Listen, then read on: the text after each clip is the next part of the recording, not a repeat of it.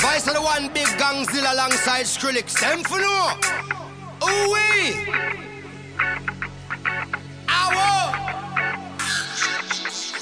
We mash up the place, turn up the bass and make them all have fun. How we ablaze the fire, make it fun them. We mash up the place, turn up the bass and make some sound, boy run. And we will end your week just like a Sunday. We mash up the place, turn up the bass and make them all have fun.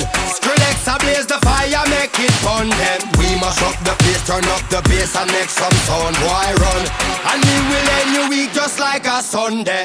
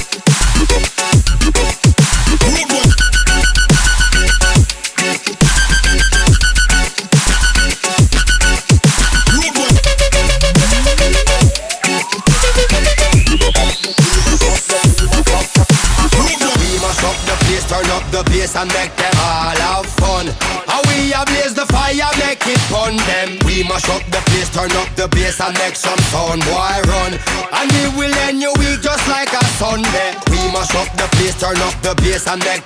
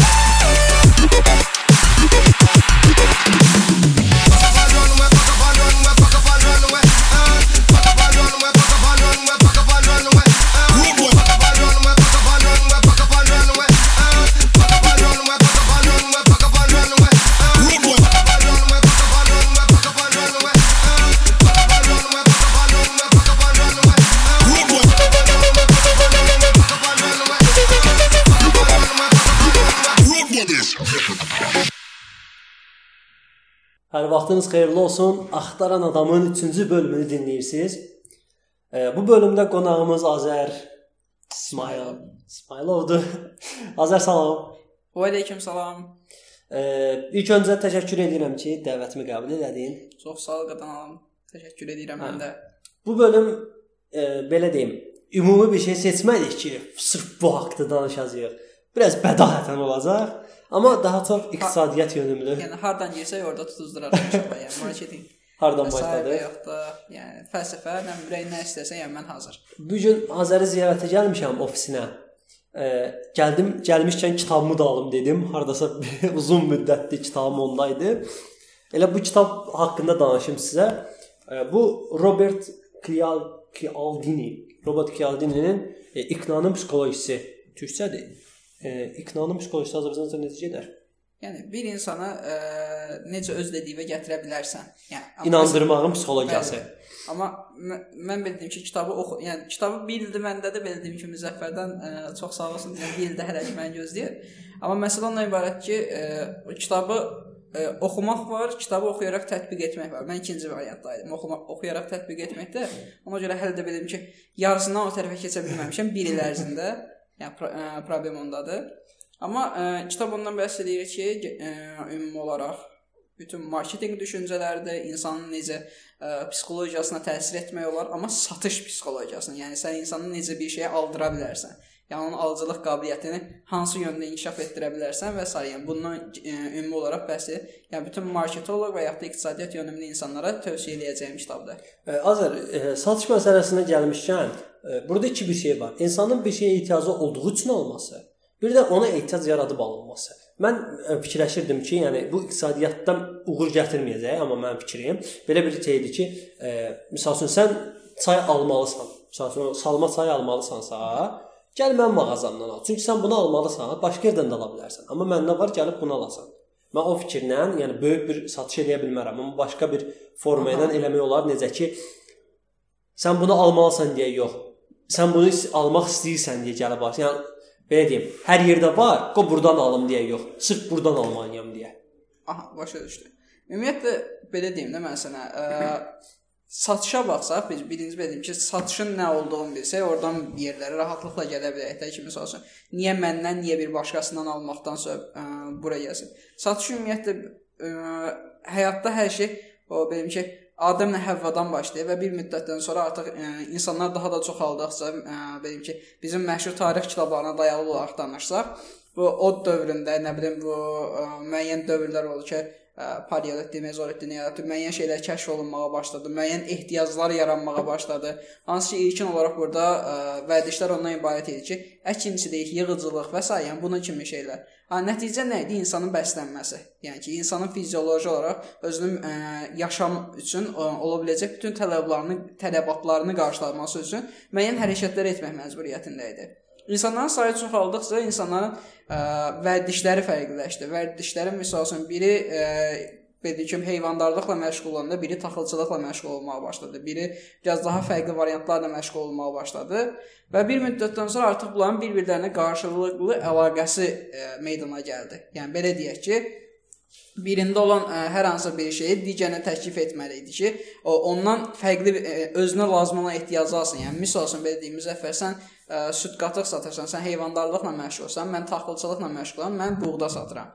Yəni məndən sən buğda almalıydın, amma ə, almaq üçün hər hansı bir ə, vasitən yox idi. Yəni indiki dövrdə yəni hər şey aydın ki, pul yoxdur. var və yaxud da pul olmasa hər hansı bir qız, qızıl qiymətli əşyalar və bunlar e, o vaxtda hər şey exchange, yəni ki, ə, mübadilə yolu ilə idi. Yəni tutalım sən hər hansı bir ə, belə ki, məbləğdə və yaxud da miqdarda süd verirdin, ə, mən də həm mən ona düşəcək hissədə ə, sənə buğda qaytarırdım. Yəni hər şey mübadilə ilə başladı da, yəni ilkin olaraq. Ə, bir müddətdən sonra artıq ekvivalentlər meydana gəldi. Yəni ekvivalent dediyim nədir? Məsəl üçün 1 litr südün ə, buğda olaraq dəyəri nə qədərdir? Məsəl üçün 1 litr süd yarım kilo buğdaya bərabərdir. İnsanlar artıq bu kimi şeylərdən başladılar bunu ekvivalentin yaradıb hesablanmağa və bir müddətdən sonra bu ekvivalentlər artıq özünü fərqli formatlarda göstərməyə başladı. Hansı ki, burada artıq dövr də irəlilədikcə dövrdə müəyyən ə, metallar əmələ gəlməyə başladı və metalların artıq insanlar üçün ə, dəyərləri var idi. Qiymət deyil bu. Yəni qiymət ə, sən heç bir şey standart qiymət qoya bilmirsən. Sən həmin şeyin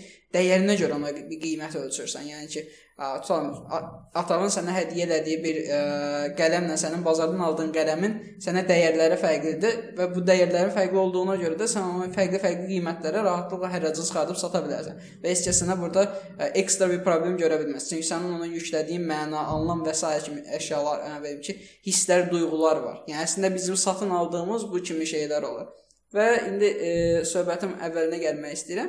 Təbii ki, yəni burada ekvivalentlər yaradıldı. Yəni hər hansı metalı qızılın, gümüşün, ə, bürüncün və s. yəni bu kimi metalların ekvivalentləri yaradıldı və başladılar artıq ə, mənə süd lazımdırsa, ə, mən buğdamı satırdım, əvəzinə həmin metalı əldə edirdim. Daha doğrusu həm, daha sonra həmin metalın qarşılığında gəlirdim e, bir başqa yerdən süd alırdım. Yəni nəyə görə e, mənim satdığım yerdə süd olmaya bilərdi. Yəni və bunun kimi təbii ehtiyacları ödəməkdən bu satış formatı meydana gəldi. Azər e, belə bir şey deyim, bu yaxın e, səfər əmrimizə keçən həftəki dərsimizdə bizim vergi dərs keçirik. Vergi dərsində müəllim buna aid belə bir şey dedi ki, verginin başlanğıcı elə qədim dövrlərdən gəlir. Biri bir çay tapır, e, bulaq tapır daha doğrusu. Bulağın qarşısında adam qoyur və artıq oradan istifadəyə görə haqq alırdı. Yəni vergi alırdı. Yəni bir növ suyu satırdı. Aha, yəni təbii ki, yəni ə, hamısı yəni bu dəyişimdən irəli gəlir. İnsanların artıq fərqli düşüncələrinin formalaşmasından irəli gəlir. Yəni mən necə artıq deyim ki, o metalı əldə edə bilərəm. Yəni o bir şeyləri sən qazana bilməyin üçün ya əziyyət çəkməlisən, ya biraz daha rahat yollara, ya idarə etməlisən, ya gücün olmalıdır. Yəni hər hansı bir şeyə görə sən fərqlənməlisən. Yəni, istənilən halda belə deyim ki, o ə, Maslow piramidasının əsaslarına da dayansaq, yəni hər şey müəyyən ehtiyaclar var. Həmin ehtiyacları ödəməkdən ötürü qurulur. Yəni bütün beynin düşüncəsi də həyatımızda, yaşamımızda Əla. ibarət olan hər O şey. piramida demişkən, mən iqtisadiyyat yönümlü oxuyuram. Tam iqtisadiyyat olmasa da iqtisadi yarım iqtisadiyyat deyə bilərəm. Sənəyə oxuyuram. E, Bizə e, bəzi iqtisadi dərslərdə o piramidadan danışılır. Yəni zaten sırf iqtisadiyyat yox, ümumi ehtiyac baxımından baxanda o piramidanın önəmini hiss olunur. O haqqda danışa Yəni, bilərsənmi? Belə deyim də, e, piramidanın yəni bilməyənlər üçün məlumat verək ki, piramidanın 5 e, belə ki, stage var, 5 mərhələsi var, 5 bölməsi var. Ən başda duran təməl olaraq belə ki, o piramidanın ən alt və ən böyük hissəsi fizioloji ehtiyaclar. Yəni ki, bu hamısı ehtiyaclar olaraq qarşılanır belə deyim ki. Ə, fiz fiziologiya nə daxildir? Məsələn, bir insanın yaşaması üçün ona lazım olacaq yemək, su, qida və s. bunun kimi.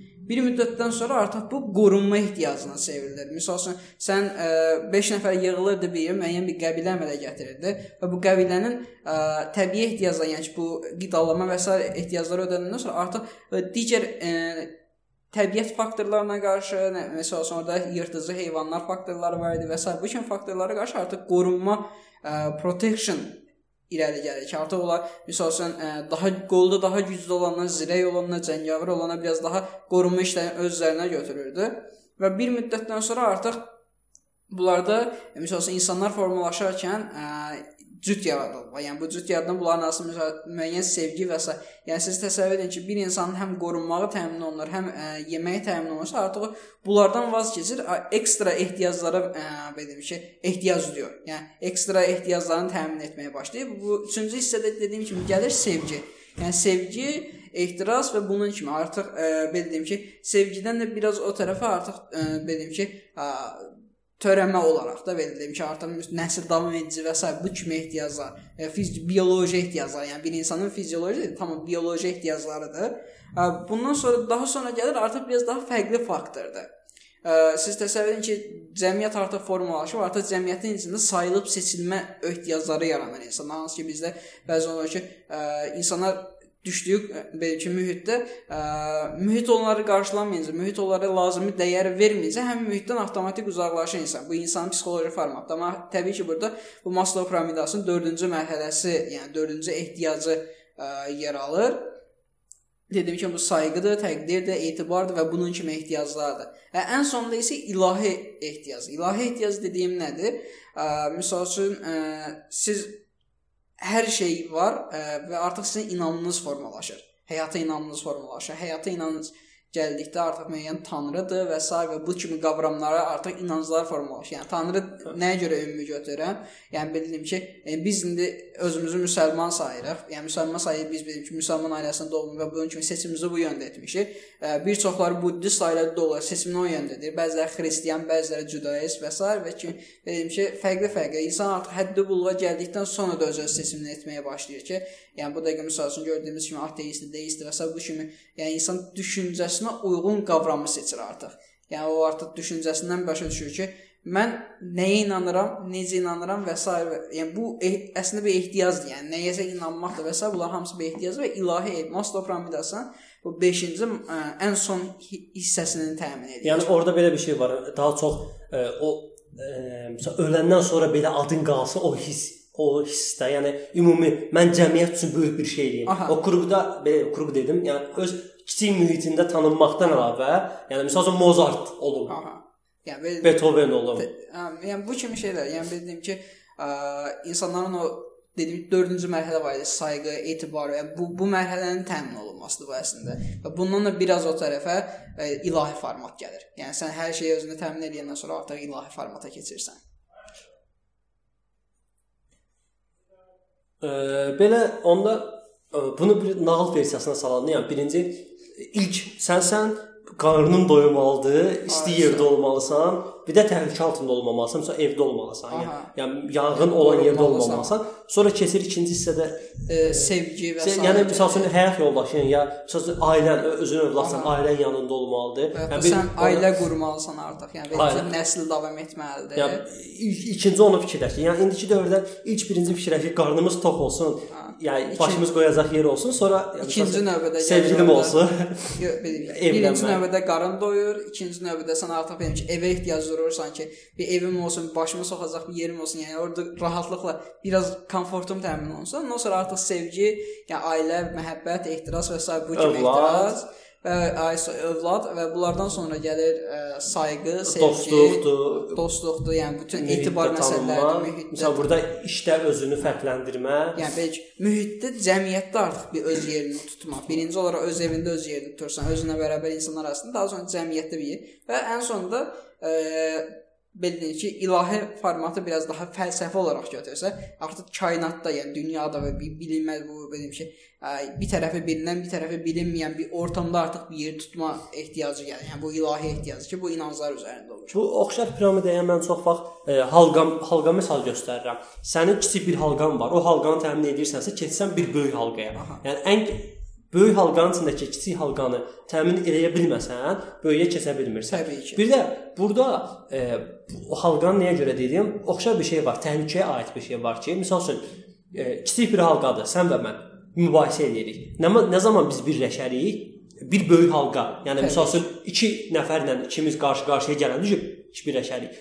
Məsəl üçün şəhər olaraq mübarizəyə girsək, başqa şəhərə qarşı böyük bir halqa birləşir. Region olaraq ya da ölkə olaraq birləşəndə bir halqa birləşir. Yəni, o on normal olaraq belə misal göstərə bilərik ki, məsəl üçün orta məktəbdə ən yaxşı format olaraq da ə, sinif-sinifə davalar olurdu və ya oğlanlar olaraq və ya hər hansı bir format nələrin üstündə olurdu. Yəni burada təbii ki, sinifdə sənin kimdənsə belə ki, bir düşmançılığın var isə və amma sinif-sinifə davada artıq yəni sən ona fikir vermirdə, sən artıq sinif-sinifə keçirdin. Və ya da siniflər arasında dava varsa, məktəblər arasında ola biləcək hər hansı bir ə, münaqişədə və s. artıq sən onu da fikir verirdin. Məktəbin adını qorumaq üçün daha böyük bir şeylərin ona bəzi şeylər artıq fəda edib. Bizə sonradan başlayır şəhərdə olar.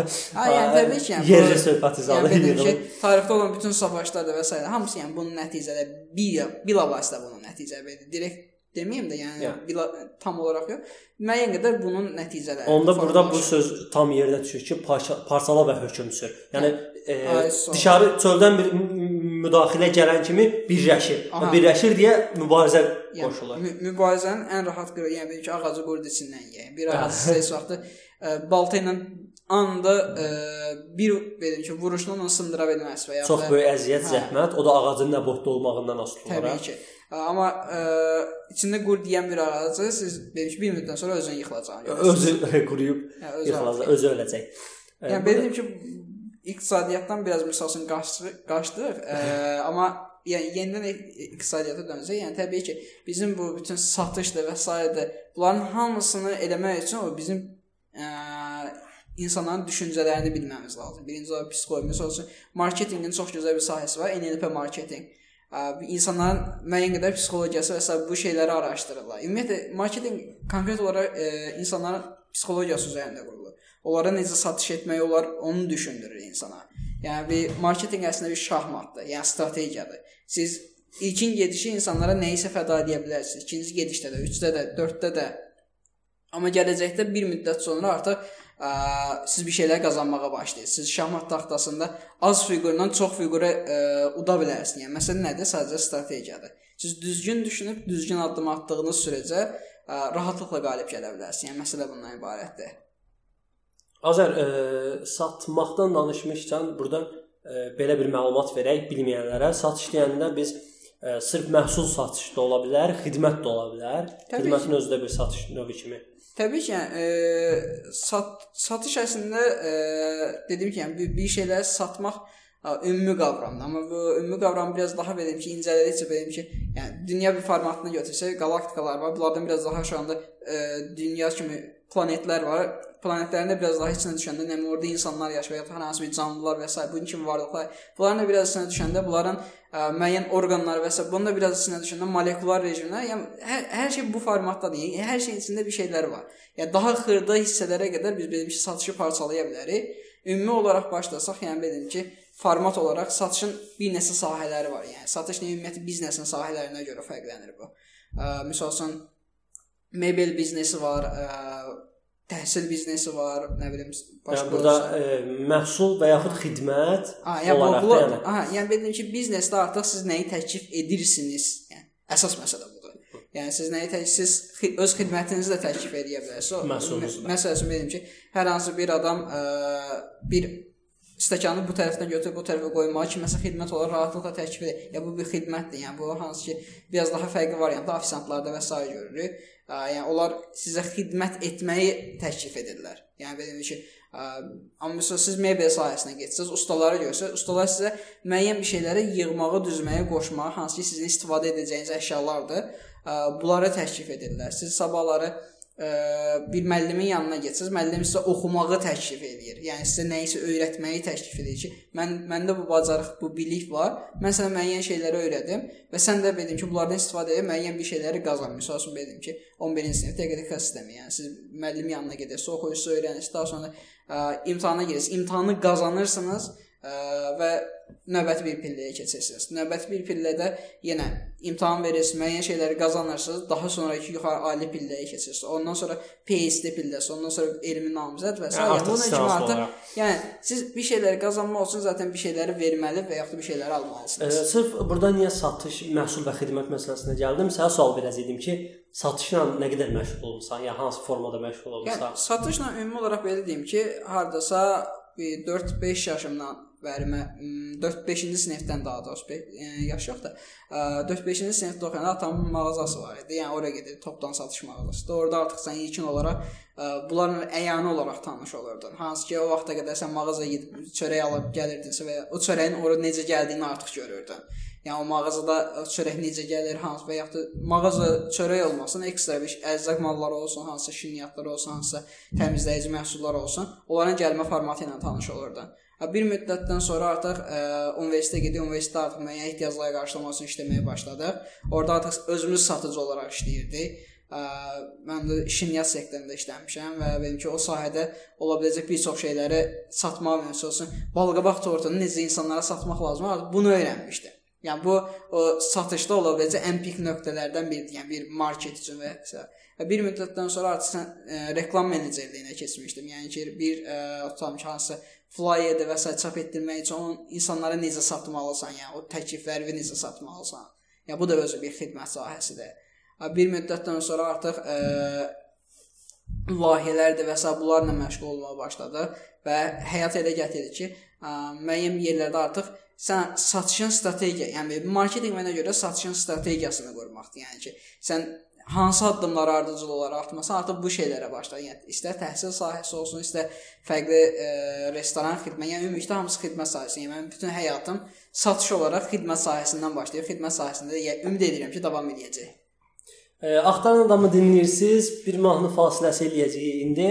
E, fasilədən əvvəl deyim ki, bizi Facebook səhifəmizdən, e, Ask FM-dən sonra harda var?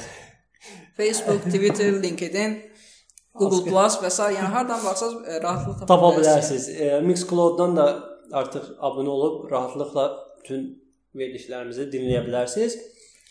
Suallarınızı Ask FM-dən gözləyirik.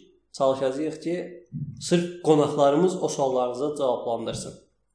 Unutmayın, 3 ay, 5 aydan sonra da dinləyə bilərsiniz. Siz suallarınızı mənə yönləndirin. Sırf Azəri olan suallarınızı yönləndirə bilərsiniz. Azər tərəfindən cavablandırılmağına hər birini çalışacağam.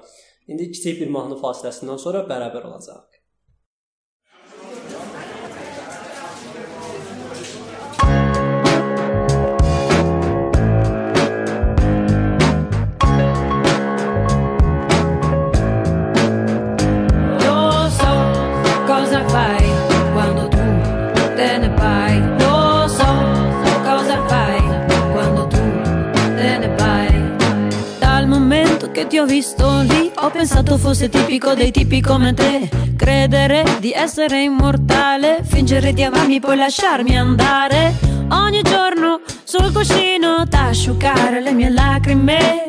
Da domani non sarà più così. Domani dimmi sì, dimmi che Lo resti so Cosa fai quando tu te ne vai. Lo so cosa fai quando tu te ne vai trattarmi così te la farò pagare più di quello che ti immagini. Sai che l'amore matura, gli interessi che arrivano tardi Quando meno te lo aspetti. Questi segni sulla pelle Sai che non si cancellano. Da domani non sarà più così Domani dimmi sì, dimmi che resti qui. Cosa fai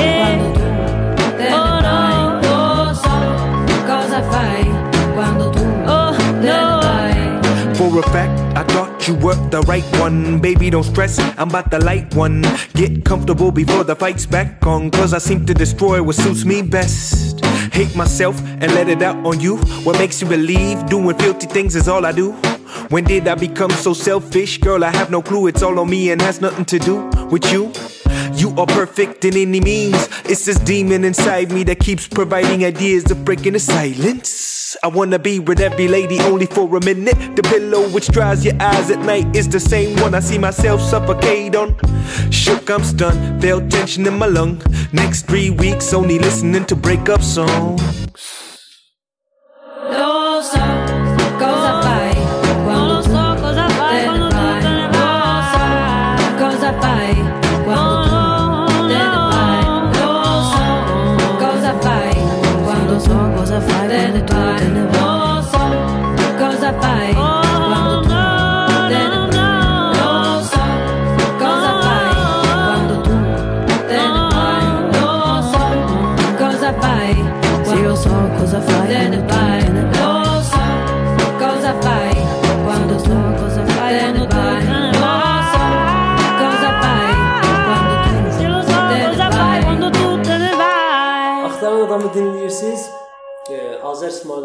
İsmailov qonağımızdır. Satış haqqında danışırıq.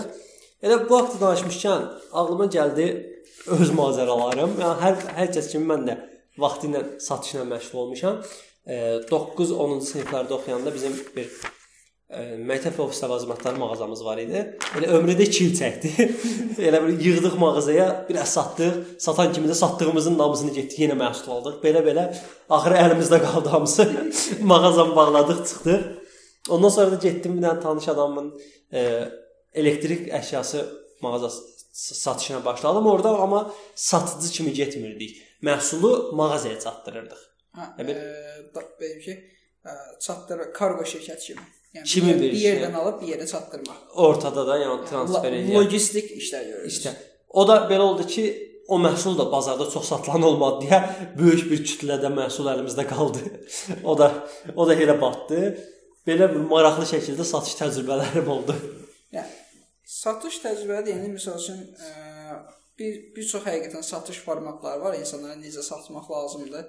Yəni günümüzdə kifayət qədər təlimlər də görürsünüz, kifayət qədər üsullar da görürsüz. Mənim indiyə qədər ən çox bəyəndiyim üsullardan bir dənəsi var. O haqqında belə bir şey qısa bir case olaraq danışım onu. Ə, Məsəl üçün Dubayda və yaxud da bunun kimi bir ə, ölkələrdə hansı ki, ə, fərqli ölkələrin insanlarına həmin ölkələrdə binalar satırlar, evlər satırlar və yaxud hər hansı bir mənzillər, dairələr satırlar. Bunu necə satırlar? O maraqlıdır. İnsanların məsələn o satışı necə həyata keçirirlər və s. Yəni bununla bağlı. Yəni təsəvvür edin ki, ə, hər hansı bir satış şirkətidir. Satış şirkəti nə edir? Aeroportda, yəni hava limanında ə, VIP çıxışa bir dənə stend qoyur və orada bir gülərüz xanım yerləşdirir və gələn xanıma işi sadəcə bundan ibarətdir. VIP-dən çıxan bütün qonaqların sadəcə database, e, telefon nömrələri, yəni ki, sırf özlərinə aid şəxsi telefon nömrələri və e-maillərini alır. Və bir müddət üzərindən bir neçə müddət keçəndən sonra ilkin olaraq həmin xanım və ya da ə, həmin xanımla eyni ə, səlahiyyətə malik biri həmin insanlarla əlaqə saxlayır və ə, deyim ki, atıram, yəni Dubay olsun. Dubayda olacaq ə, evlərini təklif edir. Yəni satılan evlərini ə, 100 minə təklif edirlər. Bir müddətdən sonra təbii ki, həmin anda insan ilkin öndə, yəni nə qədər biznesmen insan olsa da, bunu reallıqla qarşılanmır və buna atqaz gedir.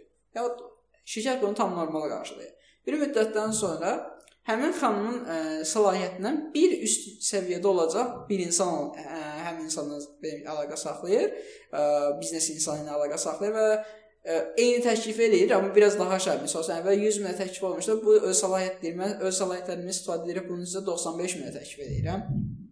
bir müddətdən sonra bu ə, bu formatda davam etməyə başlayır. Hər dəfə özlərindən bir yuxarıda səlahiyyət daşıyan insan, əvvəl məsəl üçün adi şöbə işçisi, daha sonra şöbə müdiri, daha sonra ə, həmin sahənin ə, meneceri və ya hər hansı bu formatda ə, insanlar zəng edir və ən sonunda satışı həyata keçirilir. Satışı həyata keçirdilər 85 min, məsəl üçün bir neçə min düşdü. Amma satış həyata keçiriləndən sonra həmin adam ə, maraqlanır belə deyim ki, bu aldığı evin real dəyəri, yəni real qiymətinə əslində evin real də- dəyəri 50 mindir. Yəni bunlar əslində burada ekstradan qazanırlar. Yəni bu kimi hadisələr. Məsəl üçün maraqlı bir satış formatlarına var ki, insanların psixologiyası ilə bağlıdır. Bu case ə, bu dedim ki, ə, oxuduğum kitabların birində ə, qeyd olunmuşdu. Yəni bir nəfərdir, ikisi də çən satırlar. Yəni bu su çənləri var, baklar. Bunlardan satmağa çalışırlar. Biri həddən ay, yəni 2 dənə elemandır. İkisinin də üzərində müəyyən benim ki, ayın sonunda bir premiya var və ya da bir hədiyyə var. Bu hədiyyəni qazanmaq üçün ikisi də daha çox satış etmək məcburiyyətindədir. Və bir ay ərzində bunların satışları qeydə alınır və bunların eyni zamanda iş formatları qeydə alınır. Biri həddən çox səhlənkar, yəni işə çox da diqqət ayırmayan, daha çox gəzməyi, görməyi, əyləncəni sevən bir insan olur. Biri isə sırf olaraq bütün günü oturur, araşdırır insanları və s. hər gün qapı-qapı düşür, təkliflər eləyir, hər gün belə deyim ki, ə, insanlarla görüşlər keçirib, öz məhsulunu insanlara satmağa çalışır.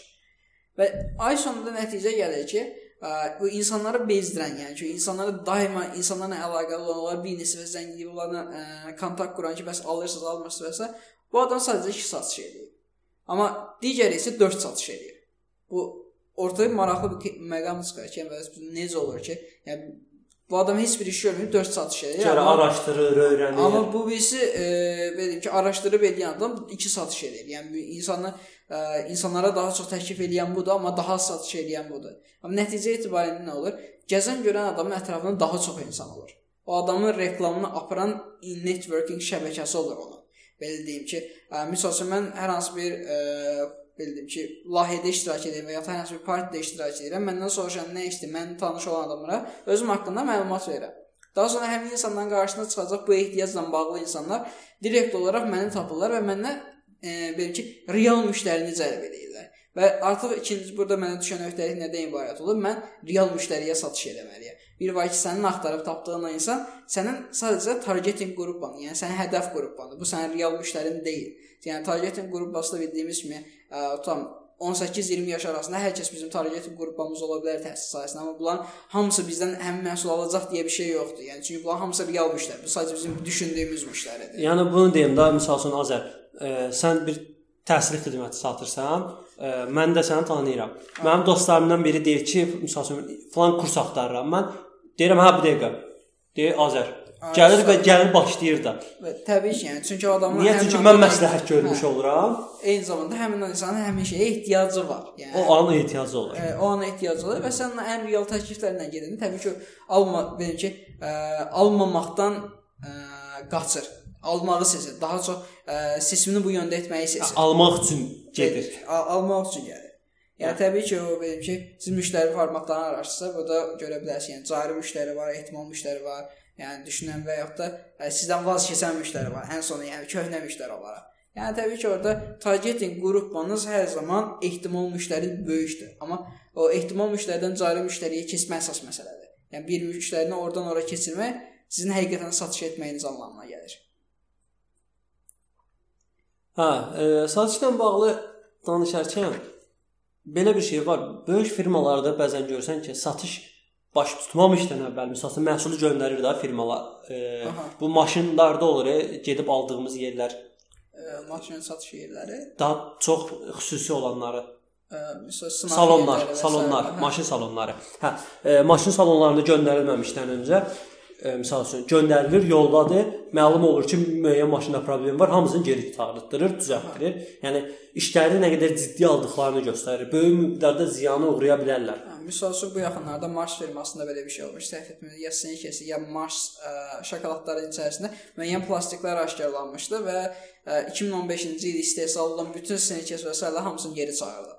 Yəni bu, bu çox yaxınlarda çıxan bir xəbərdir. Yəni bundan əvvəl də bir neçə misal üçün ə, səhv etmirəmsə Kia firmasında olmuş, ya bunun kimi hansısa bir X firması olsun, ə, belə ki, daha çox ə, Çin və sair zona, bu zonada ə, istehsal olunan maşın növüdür. Ə, maşın əyləc problemində müəyyən problemlərin olduğunu görüb, bütün ə, həmin bildiyim ki, anda istehsal olunan maşınları, həmin bildiyim ki, formatda istehsal olunan bütün maşınları geri çağırmışdı, hə- hamısı da öz hesabına. Yəni bu kimi hadisələr bu əslində şirkəti ə, müştərilərini itirməməsinə görə ola biləcək bir şeylərdir. Yəni müştəriyə ə, maşını satan tam olaraq deyim ki, tam təchizatlı və deyim ki, əvvəl sınaq görüşləri və s. var. Yəni bu zaman görülə bilməyən bir şey daha sonradan görüləndə artıq ə, şirkət məcburidir ki, buna görə müştəridən üzr istəsin, nəyə görə müştərinin düşüncəsini artıq müştərinin qarşısına yalançı çıxır və deyə. Yəni, Yəni ə, müştərini yanıltmış olur öz bir seçimində. növ müəyyən qədər ziyana düşən düşsə də bunun iki iki burada xeyri olur ki, bir e, real müştəri müştərinin etimadını qazana bilir. ki, yəni mən həqiqətən problemim varsa vaxtında düzəldirəm onu. Bə- bəli, Problemsiz məhsul qarşısına çıxardıram. İkinci məsələdə bir şey var ki, problemli bir məhsul tutaq ki, maşın alırsan, əgər burada bir problem var idisə, gör o problemə görə neçə min qəza ola bilər və şirkəti məhkəməyə verib neçə milyon cərimə ödətdirə bilərlər ki, halbuki daha az da onun geri çağırıb düzəltdirmə xərci. Hə, təbii ki, yəni bu bundan əlavə olaraq da yəni ki, hər hansı ola biləcək bədbəxt hadisələrin qarşısını almaqdan əlavə müştərilərin etimad məsələsi var. Yəni müştəri bu günlər bu məhsulu aldı, bu hər hansı bir problemlə üz- üzləşirsə, ikinci dəfə artıq həmin şirkətin məhsulunu seçməyə bilər. Yəni məsəl üçün atıram bu günləri X şirkətinin belə ki, sənə üstdən məhsul təş- ə, təklif edir ABVC. Sən bunun B-sini al da hər hansı bir problemi çıxandan sonra sən ona yenidən A və C-ni də təklif etsən, ondan vaz keçir. Yəni onu almaqdan boyun qaçır. Nəyə görə artıq X şirkətinə inam qalmayıb. Yəni məhsula deyil də şirkətin özünə inam qalmayıb. Bu daha çox ən çox telefonlarda olur. Fikir Hə, vermisənsə, bəli, bəli, e, bir bir adam məsəl üçün bir məhsulu başlayır almağa, yenisi çıxır, yeni telefona ehtiyac olur, o şirkətin daha yaxşı məhsulunu alır. Hə, bir ildən sonra o şirkətin yenə yeni məhsul. Nə zaman ki ən, ən yaxşı həyata keçirən bildim ki, iPhone-dur. Yəni sən Ardıcıllığı. Ə, misal üçün ə, daha sonra Samsung da eyni rejimə keçməyə başladı. Yəni əslində Nokia ə, öz bazarını bazarda belə çox böyük bir geniş payı var idi, harasa 2008-2009 zamanında. Amma nəticə etibarilə iPhone və öz texnologiyasını inkişaf etdirdi, Samsung Amma öz texnologiyasını inkişaf etdirdi. Ə, Nokia ola biləcək bazarda, ə, yəni belə ki, bu inkişaf etdirmə nədən asılı idi? Ə, Hər şeyin qiyməti qalxırdı. Bunlar ə, texnologiyanı stabil saxladılar və qiymət prosedurunu belə deyim ki, ə, stabil saxladılar. Ə, ekstra yeniliklərdən qaçdılar. Yəni ki, özlərinin normal hər zaman təklif etdikləri şeyləri təklif etməyə başladılar. Yəni Nokia Lumia sisteminə çox gec keçdi belə deyim ki. Ə, bu, zam bu, bu zamana qədər Samsung artıq Android kifayət qədər inkişaf etdirdi. iPhone ə, özünün ə, belə deyim ki, iOS ə, təm, proqram təminatından kifayət qədər inkişaf etdirdi və insanlara daha yaxşı şeylər sunmağa başladı. Və avtomatik ə, Nokia bağımlısı insanlar öz seçimlərini yanıldıqlarını düşünüb artıq fərqli ə, belə ki, məhsullara, fərqli şirkətlərin müştərisi olmağa başladılar. keçdi, onları bəyəndi və e, Lumia çıxanda artıq qayıtmadılar. Bə bəli, bəli. Yəni təbii ki, onlar artıq geri dönüş etmədi. Nəyə görə? Onların artıq yeni müştərisi olduğu şirkətlərin yeni təklifləri var idi. Yəni və yeni təkliflər ə, Nokia-nın Lumia-sından ortalama olaraq həmin zaman, yəni Nokia Lumia 2 çıxdığı an üçün ə, qat-qat ə, daha yaxşı nəticələr verirdi. Və mən bu nəticələrin əsasında artıq Nokia firması özünün bütün belə deyim ki, müştəri kütləsində hardasa %50-%60-ını itirməyə başladı. Və çox bir az ə, sadiq müştərisi. Məsəl üçün oxşar bir şey BlackBerry-də başına gəldi. Marketə girdi, satıldı, yeniliyi yaxşı daha yaxşı eləyə bilmədi. Aha, yəni təbii ki. itirdi. Və amma üçün iPhone-dan götürəndə iPhone ə, zaten deyim ki 1990-larda və s. adamlar 2000-in texnologiyasını düşünür. Düzdür, bazara tam olaraq bunu çıxarda bilmirdilər. Müəyyən əngəllər və s. insanların düşüncə və s. Amma ə, iPhone öz bazarını tutmağa başladı hardasa 2005, 2006 və hal-hazırda yəni bu dəqiqə bazarın ə, çox böyük bir hissəsi, böyük bir payı onlardadır. Və bu bu zaman artıq dedim ki, onlarla rəqabətə girən ancaq ən son texnologiyanı təklif edən ə, şirkətlərdir, hansı ki bu dəqiqə LG bazar payında kifayət qədər iddialıdır. Ə, Məsəl üçün vaxtı ilə Motorola və s. var idi. Yəni hal-hazırda biz Motorolanı görmürük. Görmürük. ki, Yəni maksimum verdim. Ən çox gördüklərimiz Apple şirkəti Təbii məhsullarıdır. Samsungdur, LG-dir və Hightech-dir. Huawei, Hightech, Hightech. HTC. HTC. HTC dediyim Yəni, mən. bizim bir ə, türk benim ki abilərimiz var idi. Onlar ona Hatice deyirlər yəni. Hatice. HTC-yə Hatice.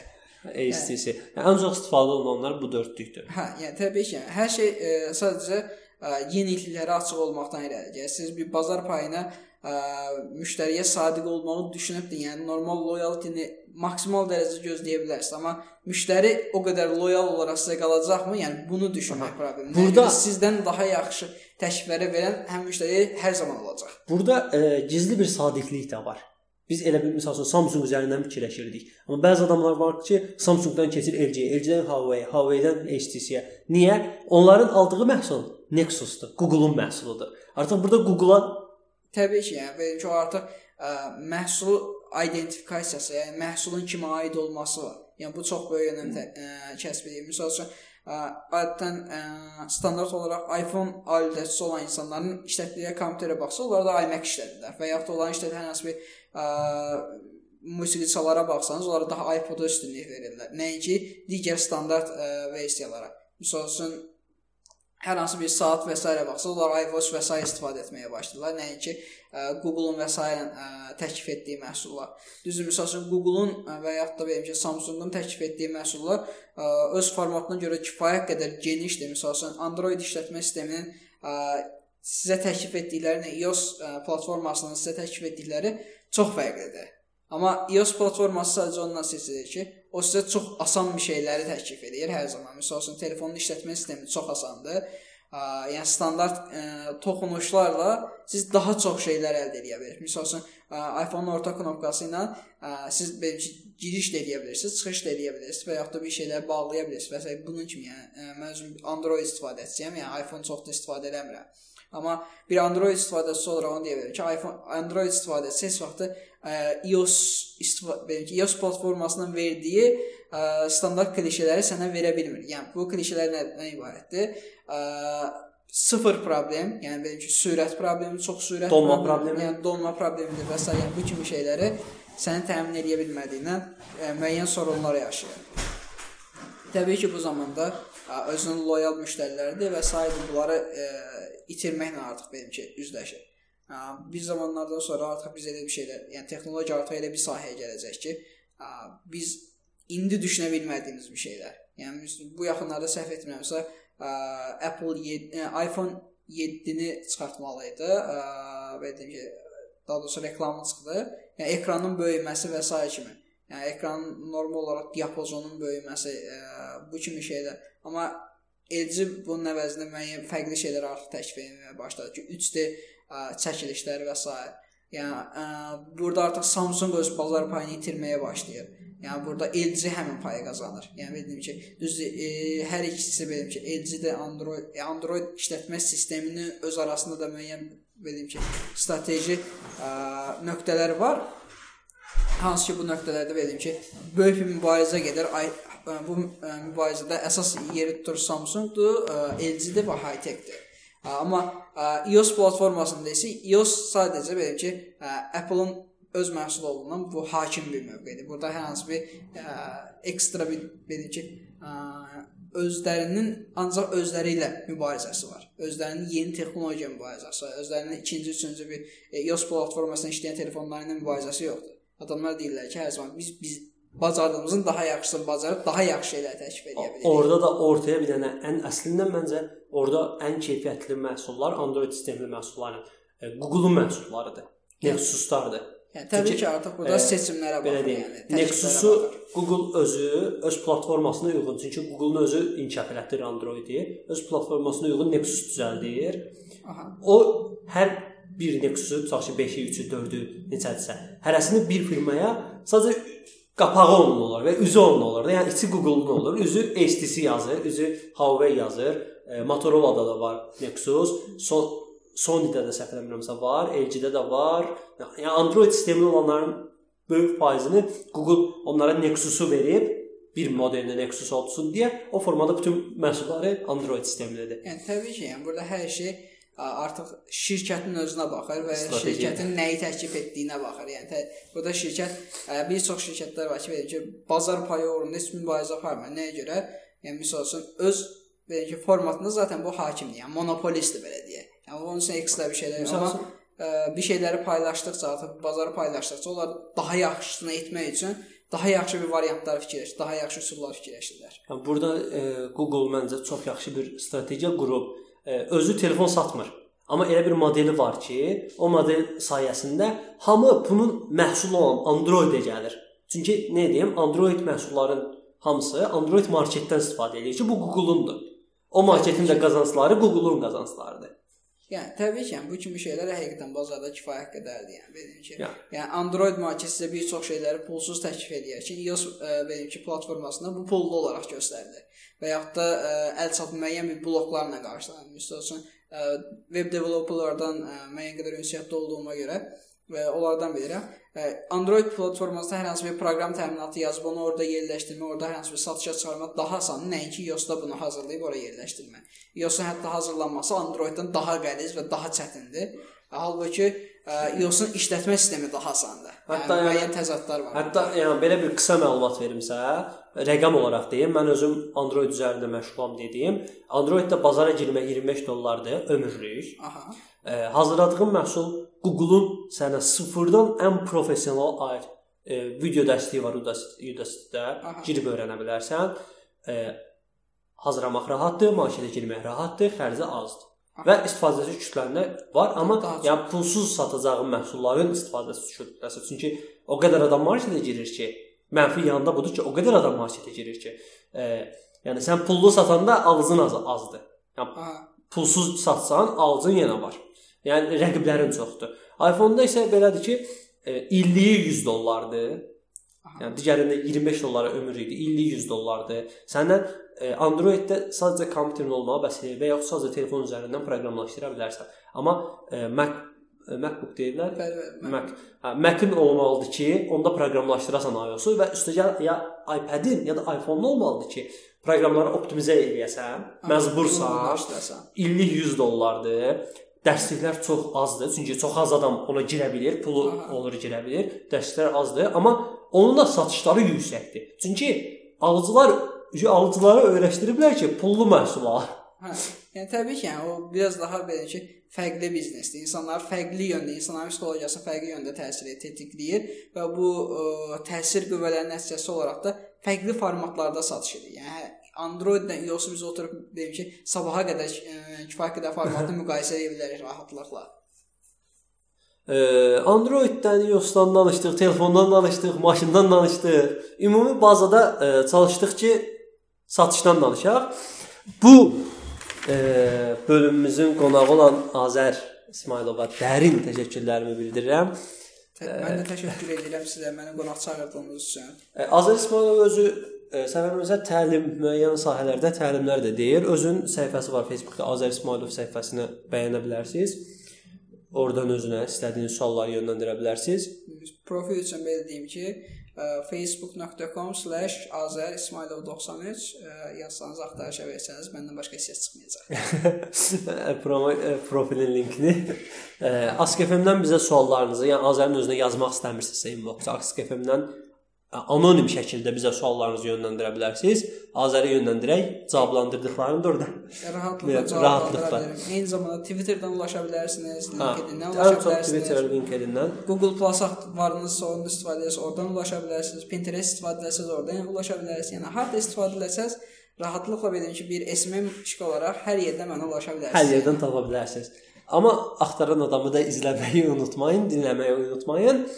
Üçüncü bölümdə axtaran adam sizinlə oldu. Bu bölümdə daha çox satışa aid bilgilər axtardıq və Azəri tapdıq.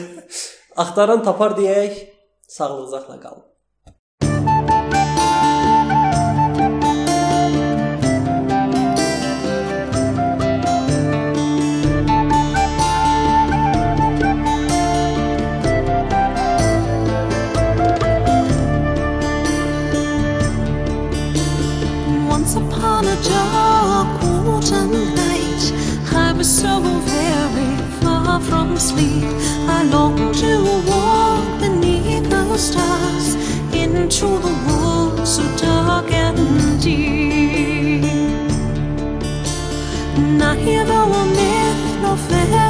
could keep me from the path to the maze, but eyes upon me I could feel hidden in the shadows, watching all ways.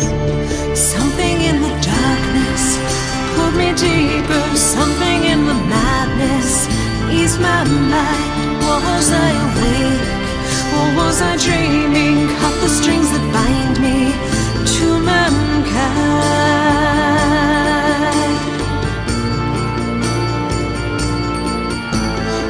While I was sitting in my room one cold silver winter's day. I could hear another worldly call. Try as I might, I couldn't turn away. Something in the darkness pulled me deeper. Something in the madness eased my mind. Was I awake or was I dreaming?